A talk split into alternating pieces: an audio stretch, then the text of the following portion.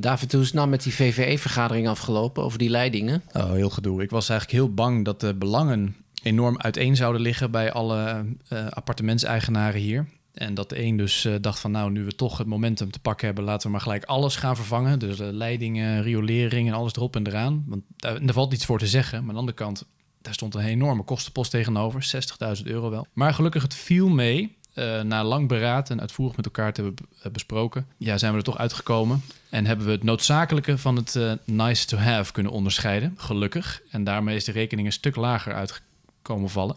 Dat betekent wel dat de kas bij de VV alsnog bijna helemaal leeg is. En er moet nu een MJOP'tje worden gemaakt. Ja, die moet ik ook gaan maken. onderhoudsplan. Ja. Had je die nog niet? Dat is een wettelijke plicht, toch? Voor ja, hadden we wel, maar er moet nu een nieuw worden gemaakt, want de kast is helemaal leeg. Dus okay. uh, als er nu iets gebeurt, sta je gewoon in je hempie. Onderhoud en afschrijving houden mensen vaak helemaal geen rekening mee. Huren is zo gek nog niet. Maar ja, ik ben nu dus twee weken geleden verhuisd naar mijn koophuis. Ben je geland? Ja, het is toch wel ook wel leuk. Want uh, als ik ergens nu een schroef in draai, denk ik, ja, dit is mijn huis. Het is een, een, een, een, we zitten op de derde en de vierde etage. De vierde heeft zo'n houten overkapping. Hè, dus het is echt zo'n kapconstructie. En ik ben hemelsbreed dus een kilometer verhuisd van de buurt waar wij nu zitten, waar jij nog woont, Utrechtse straatbuurt, naar uh, een, een, schiereiland dat heet Rapenburg, dus naast de Eitunnel. Ja. Maar het is ik, gisteren eindelijk de tijd om even rond te lopen. En jij houdt ook van cafés en café-eigenaren. En uh, kijk hoe dat allemaal gaat. En ik heb daar uh, in die buurt rondgelopen. Nou, het is echt superleuk. Het is een stuk minder uh, juppie dan hier. Een stuk minder aangeveegd. Het is wat rauwer, wat stoerder. Dus ik kwam ook een kunstenaarsbolwerk tegen... waar ze druk aan het vergaderen waren, half anarchistisch. Dus ik ben helemaal blij daar. Je luistert naar Heilige Huisjes, een podcastserie waarin ik, econoom-filosoof David van Overbeek en journalist en auteur Hans de Geus op zoek gaan naar antwoord op de vraag: waarom is wonen zo duur? In de vorige aflevering bespraken we private grond en wie eraan verdient. Deze aflevering staan we stil bij gemeentegrond en bespreken we het volgende heilige huisje. Je zou verwachten van de gemeente dat zij met haar eigen grond niet per se voor de hoogste winst hoeft te gaan, maar voor iedereen betaalbare woningen kan bouwen. Toch is dit niet altijd het geval. Daarom gaan we in deze aflevering kijken naar hoe gaat de gemeente om met haar woonbeleid en hoe is de manier waarop ze gefinancierd is daarop van invloed. Welke instrumenten kan de gemeente inzetten en waarom zien we dat die niet altijd gebruikt worden? Wil jij ook beter begrijpen wat de woningcrisis betekent voor jou en voor de maatschappij? Wil je een verhaal delen of een vraag achterlaten voor ons? Ga dan naar de beschrijving van deze podcast en kijk hoe jij kan meedoen.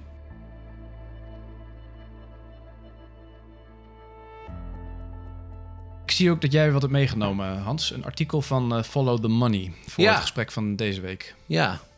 Gaat over... Uh, What's in a medium, hè? Ja, nou, inderdaad gaat over inkomsten bij gemeenten. Ja, en ik heb, dat is wel leuk dat we nu deze podcast doen. Want ik, ja. uh, ik heb dagelijks wel dingen waar je dan denkt: oh shit, daar moet ik een stukje over schrijven of iets doen. Maar dat doe je dan niet. Maar nu kan ik het gewoon aan jou vertellen. Hm. En aan de mensen. Nee, gisteren het nieuws in, bij Follow the Money dat gemeentes nog een stuk verder worden afgeknepen door het Rijk. Ja. Gaat om miljarden weer. Ja, en dat brengt ons precies bij het thema van vandaag. We hebben het vorige week gehad over uh, bouwgrond in handen van private partijen. Ja. En hoe ja, terecht of onterecht het natuurlijk is dat zij alle winst pakken als, uh, als de bestemming verandert van mm-hmm. agrarisch naar wonen. Dan gaat de waarde keer 100. Nou, zelfs iemand als Peter Boelhouwer vindt dat die opbrengst, die winst, eigenlijk gesocialiseerd moet worden. Dus dat was een uh, pittige conclusie, ook van hem, waar we het helemaal niet van verwacht hadden. Maar heel veel grond is nog in handen van gemeentes. Ja. Hoe zit het eigenlijk met de gemeentes als je het hebt over grondopbrengsten?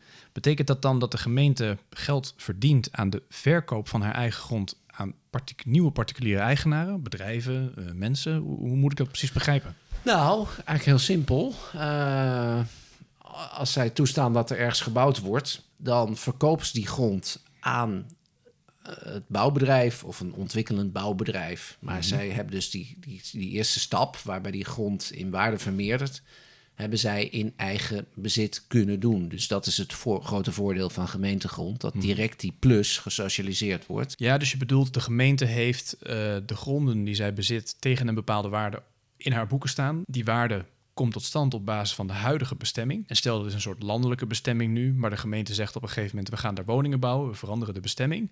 Dan ontstaat er een waardesprong. Maar in plaats van dat die waardesprong ten goede komt aan private investeerders of private grondeigenaren, komt die gelijk al bij de gemeente terecht, omdat die grond van de gemeente is. En daar verdient de gemeente dan aan. Ja, maar zij geven dat dan door. Ja. En vandaar, als er geen sociale huur zou zijn, maar alleen maar dure appartementen, ja, dan is een ontwikkelaar of een bouwende ontwikkelaar eh, graag bereid om daar meer voor te betalen. En is de grondopbrengst hoger. En bij sociale huur is de grondopbrengst lager. Ja. En het interessante is uh, dat het is een spanning binnen zo'n gemeente, maar er is onderzoek ook gedaan. Wat prevaleert nou?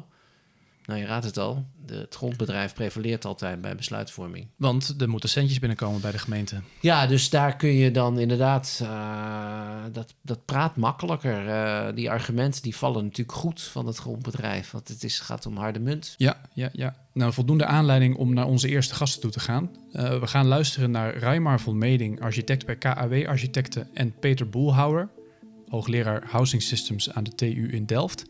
En zij gaan ons vertellen wat de zoektocht naar inkomsten voor gemeentes nou voor een gevolg heeft op hun woonbeleid. Luister mee. Wat je aanstipt is het fenomeen van uh, de, nou, de inkomstenuitgaven van de gemeente, die, die uh, gebaseerd zijn op grondinkomsten. Dat is bijna de enige vorm van positieve inkomsten die een gemeente heeft. Dus daar draait de gemeentekast heel erg op. En het ingewikkelde is dat, dat, uh, um, ja, dat dit soort. Dat, dat, dat zit gewoon heel erg in een potje. Terwijl een gemeente eigenlijk ook heel goed weet dat ze aan de andere kant, aan de sociale kant, aan de duurzaamheidskant, uh, heel veel uitgaven hebben die ze, die ze positief kunnen beïnvloeden. Als ze de beweging van uh, nieuwe gronden versus wijkvernieuwing zouden aanboren. Het enige is, die twee, dat zijn twee dingen die niet echt met elkaar praten. Maar dat is natuurlijk, ja, dat is wel het probleem. Veel gemeentes die zijn, zeggen ze niet, maar zijn toch altijd niet altijd happig om te veel mensen met een, met een smalle beurs te accommoderen. Omdat dat ook veel kosten meebrengt. Via de WMO en gezondheidszorg. En dat Ja. wordt niet uitgesproken, maar dat is Want wel. je haalt alle ge- jeugdzorgproblemen, alles haal je binnen de grenzen. Ja, Ja, ja. En dat geldt wel hetzelfde voor... voor, voor dat, dat is ook überhaupt, hè, de, laatste decennia heb je dat gezien. Dat gemeentes altijd voorop stonden bij het ontwikkelen van bedrijventerreinen. Daar hebben we ook veel te veel van. En Ja. altijd woningbouw terughoudend zijn geweest. Waarom kun je besparen op, op sociale uitgaven als je een wijk anders inricht? Nou, als je, eh, als je bijvoorbeeld eh, een wijk intensiveert, Ja. als voorbeeld, en je maakt het daarmee mogelijk dat eh, drie winkels kunnen blijven bestaan en misschien een kleine zorgpost georganiseerd kan worden, dan kan iemand op leeftijd kan langer in zijn eigen woning blijven wonen, hoeft niet, geen beslag te leggen op een verpleeghuis wa- waar een plaats heel veel geld kost om te onderhouden en legt minder druk op het, eh, op het eh, sociale, eh, eh, op, op alle sociale middelen die we, die we hebben in Nederland. Maar Als- als, als- dat één doen, voorbeeld. dan pakt het grondbedrijf pakt niet die verkoop van die grond. Dus Nee, dat heeft gewoon helemaal niks met elkaar te maken. Want die, Nee. die grondopbrengsten die gaan ergens in een potje.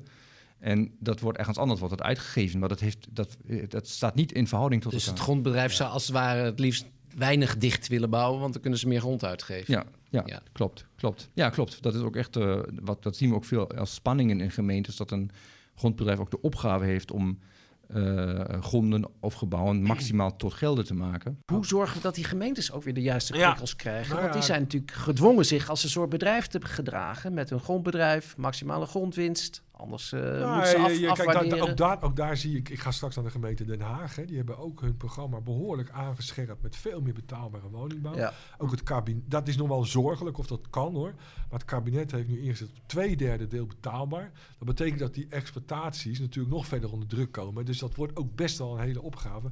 Maar ook daar zie je gewoon de goede trend. Wat je wel ziet is inderdaad, waar ik zelf actief ben, Lansingerland, 18% sociale woningbouw. Ja, daar gaat het niet goed inderdaad. Ja. En daar moet je vanuit de provincie en vanuit het Rijk veel meer druk op zetten. Om, om te zorgen dat die gemeentes ook hun taakstelling gaan halen. Ja.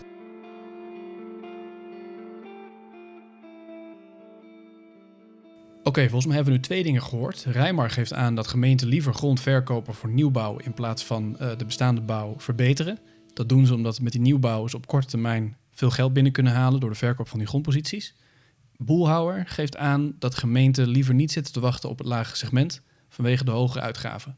ja. Ik denk wel, ja, hier zie je echt hoe het Nee, dat misgaat. klopt. En dit is hè, alle mensen die eh, rond 2010 heel erg voor het strak houden van de begroting waren. En voor bezuinigingen. En het kabinet, waar natuurlijk Samson, eh, de Partij van de Arbeid ook eh, onderdeel van was. dit zijn de gevolgen. En er zijn nog meer gevolgen, want lagere overheden, zoals gemeentes, die worden gedwongen om zich steeds meer als een bedrijf te gedragen in concurrentie met andere gemeentes. En dat moet je echt heel letterlijk nemen. En omdat ze aan de ene kant zo moeten bezuinigen, omdat ze de jeugdzorg krijgen toegeschoven, uh, moeten ze aan de andere kant met dat grondbedrijf inderdaad die winst op peil houden. Ja, en dan komen we ook weer terug op dat artikel wat jij van Follow the Money had meegenomen kan je voorstellen dat die positie van het grondbedrijf, die stem die al heel luid is, dat die nog luider wordt. Ja, ja, ja, zeker. Maar ja, de gemeente is er toch niet alleen maar om de hoogste, het hoogste segment op de woningmarkt te bedienen. De gemeente is er om iedereen te bedienen die wil wonen, om invulling te geven aan het grondwettelijke recht dat iedereen heeft op wonen. Dus komt de sociale missie daarmee van de gemeente, de sociale opdracht, ja. niet onder druk te staan. Een heel concreet voorbeeld is bijvoorbeeld, nou recent was in Zeeland het nieuws dat uh, jongeren die daar willen blijven, hm in starterswoningen, die kunnen niet blijven. Want er wordt ook dus perifeer, en dan zie je dus het gevolg, perifeer, dus buiten de Randstad, ja. wordt veel te weinig gebouwd voor dat soort uh, mensen. En dan zeggen ze voor een deel klopt het ook wel dat mensen graag in de grote stad willen wonen, maar voor een deel worden ze ook gedwongen om deze kant op te gaan, omdat hier dat dan kennelijk nog wel iets meer is. Ja, maar er bestaat natuurlijk al zo'n instrument waarmee de gemeente gewoon de grip over haar eigen grond kan behouden maar tegelijkertijd ook aan kan verdienen. Ja. Erfpacht. Met erfpacht is een manier om de overwaarde op huizen niet alleen maar in private handen te laten komen, maar ook een gedeelte daarvan terug te kunnen laten vloeien naar de gemeentekas. Als eigenaar van geërfpachte grond huur je dus eigenlijk de grond van de gemeente en betaal je een bedrag om van die grond gebruik te mogen maken. De kanon heet dat. Dat is de huur, wij van spreken. En eens in de zoveel tijd wordt die kanon dan geüpdate. Omdat die wel overeen moet komen met uh, wat de woningwaarde is van dat moment. Nou, hoe kan nou dat systeem de gemeente helpen ehm, bij die problematiek die we eigenlijk net hebben geschetst? Nou, het mooie daarvan is, uh, volgens mij heb je het goed uitgelegd, want we hadden het net over uitgifte van nieuwe grond, waar gemeentes rijk van moeten worden, of hun eh, tekorten moeten dekken, hun gaten moeten vullen. Maar met erfpacht pak je alle bestaande woningvoorraad ook mee. Mhm. En dat is natuurlijk veel meer. Landelijk gezien komt er per jaar ongeveer 1% woningen bij. De nieuwbouw is nou, nog geen procent van de totale voorraad. Hm. 70.000 nieuwbouw op een totaal woningvoorraad van 8 miljoen. Dus dat is nog geen procent. Dus als je van die 99% ook de waardestijging kan afromen, omdat dat de gemeenschap ten goede komt, waar heel veel voor te zeggen is, ja, dan wordt het een heel ander verhaal. Toch, eh, ondanks de voordelen die je zo schetst, is erfpacht niet zo populair. In de meeste steden waar eh, het was, is het afgeschaft. En ook in Amsterdam, waar het nog wel relatief aanwezig is, is men eigenlijk bezig om het af te breken. En ik moet, nu dit zo zegt, ook denken aan een gesprek wat wij hadden met Maarten van Poelgeest, de oud-wethouder in Amsterdam en destijds betrokken bij de ontwikkelingen rond erfpacht. En jij legde hem een gedachte voor. En laten we daar even naar luisteren wat zijn reactie daarop was. Interessant voor nu.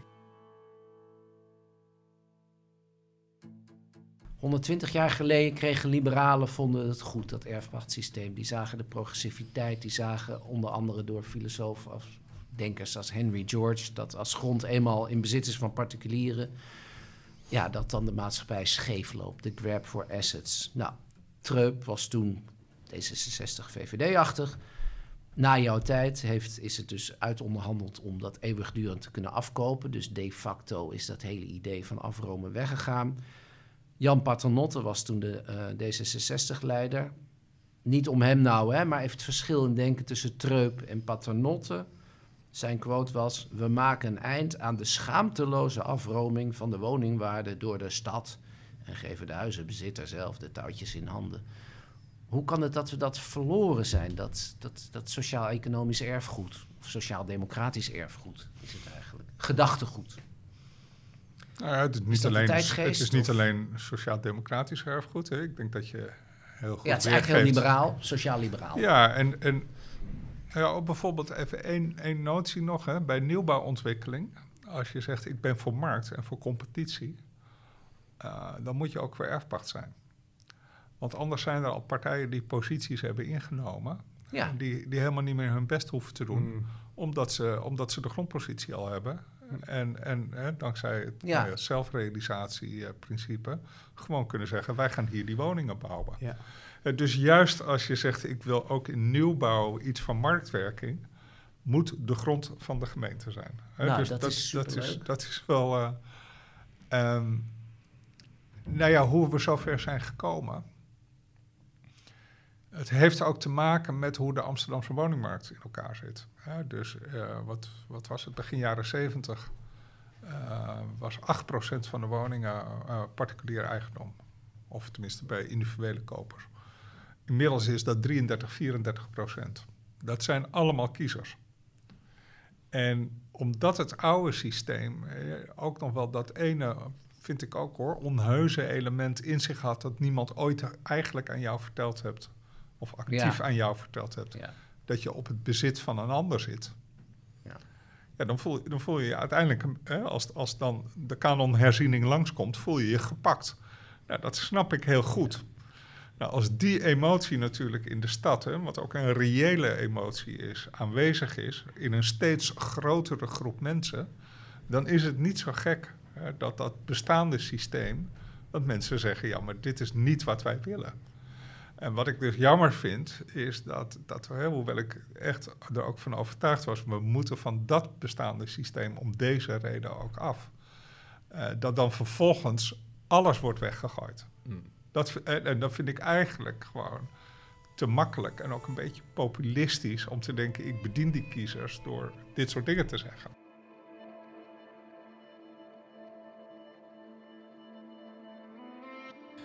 Ja, tragisch horen we hier uh, Maarten over de teloorgang van uh, het erfpacht. Uh, Hans, kan jij misschien nog even vertellen hoe jij nou terugkijkt op dit gesprek als je het zo hoort? Um, en kan je het ook nog even koppelen aan dat artikel van Follow the Money, waarin wordt gesproken over, de OZB, de onroerende zaakbelasting, als uh, substituut voor de erfpacht. Ja, maar het nadeel daarvan is uh, dat stel dat je woning veel meer waard wordt en je zou de OZB net zo hoog willen maken als de erfpacht vroeger, dat je dan elk jaar die kosten hebt, terwijl je dat helemaal niet liquide hebt. Dus je huis is veel meer waard, daar kan je zelf ook niks aan doen.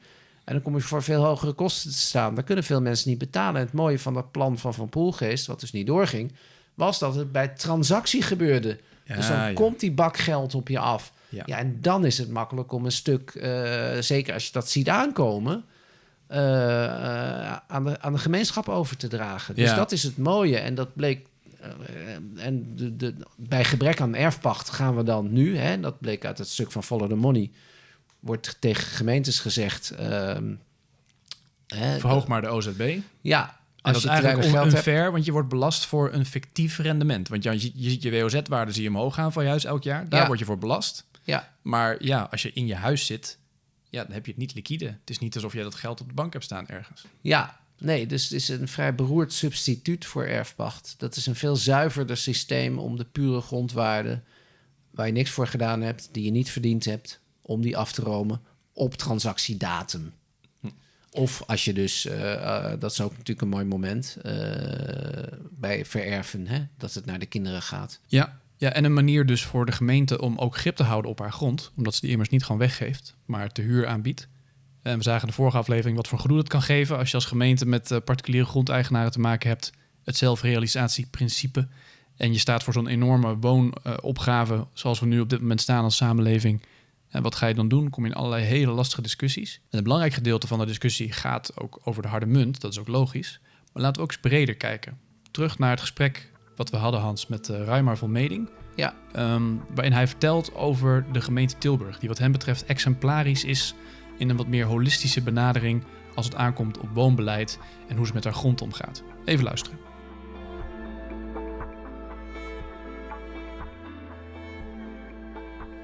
Nou, je noemde Tilburg als schoolvoorbeeld van uh, waar heel veel die bouwdoelstellingen worden gehaald. Mm -hmm. uh, kunnen zij nou ook beter omgaan met, het, met, met die afwegingen van die verschillende hè, krachten die dus in zo'n gemeente zitten? Of staat dat er verder helemaal los van wat je nu beschrijft? Nee, die, dat vind ik eigenlijk wel. Dat ze dat wel op een hele mooie manier doen. Kijk, ook daar is het zo dat het niet zo één op één aan elkaar hangt. Maar ze hebben een vrij hoog bewustzijn ervoor. Dat ze een, een stad zijn die ook bouwen aan... Uh, nou, aan hun imago, maar ook aan, het, uh, aan de kwaliteit van leven in de stad, aan, aan het thema zorgbestendigheid van de buurten. Daar zijn ze zich echt bewust van en zetten het, nou, deze richting die ze gekozen hebben ook in om oplossingen te vinden om dat te verbeteren. En wat bedoel je dan met hoog bewustzijn? Wat, hoe, hoe uit dat zich? Nou ja, dat, dat, dat een. Kijk, je, je moet als stad ook de, de, de. als politici in een stad ook de keuze durven te maken om te zeggen. Nou, we gaan nou even niet voor de maximale grondopbrengst door weer een weiland uh, te ontginnen. Hm. Maar we durven om in de om hier aan de gang te gaan. Want we weten dat als we dit doen, dat we dan zoveel meer betaalbare woningen kunnen realiseren. Dat we de mensen, nou ja, een paar meer cent in, de, in, eh, in, hun, in private leven kunnen overhouden. Dat ze die ook kunnen besteden in de stad. Eh, dat hier ook eh, jongeren kunnen komen te wonen die net een baan hebben, die zich, die zich maar een huur van 600 euro kunnen permitteren. Maar daardoor groeit ook weer de, nou, de, de, de, de, de, de, kwaliteit van onze bevolking, om het zo te zeggen.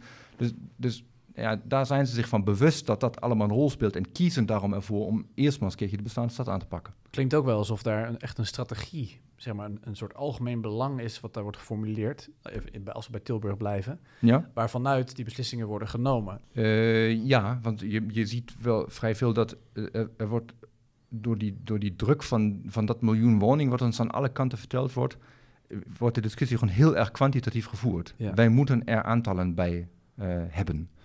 Uh, we, we, moeten het zo en zoveel re realiseren. En de, de, maar daar houden we heel erg aan vast. Aan ja, daar houden we, en dat is ook lekker makkelijk, hè, want dan kan je een doel halen wat meetbaar is. Hè, dat is ook hoe, dat, hoe het werkt. Hè. Terwijl uh, het doel halen dat het over 30 jaar een leefbare wijk geworden is. is ja, hoe, precies, ja. ja. Hoe, hoe, hoe, hoe, kan je dat nou op waarde schatten? Ja. en, en dat doen ze bijvoorbeeld in Tilburg, naar mijn idee, best wel goed. Dat ze, dat ze daar het bewustzijn voor hebben. Daaromheen ook op inhoud het debat voeren. Wat betekent dat nou eigenlijk als we de, als we de buurt verbeteren? En niet schromen om te zeggen, maar we gaan ook lekker 5000 woningen bijbouwen. Dat gaan we echt wel doen. Dus dat combineren we mooi met elkaar, vind ik zelf. Ja.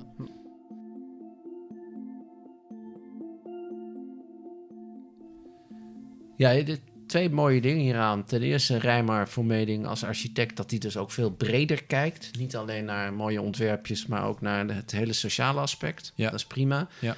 Maar ook, en dat is gewoon uiteindelijk, ja, je kan zoveel processen of regels of manieren van uh, verhoudingen tussen hogere en lagere overheden. Maar het gaat uiteindelijk om mensen die gewoon goed beleid maken. Mm -hmm.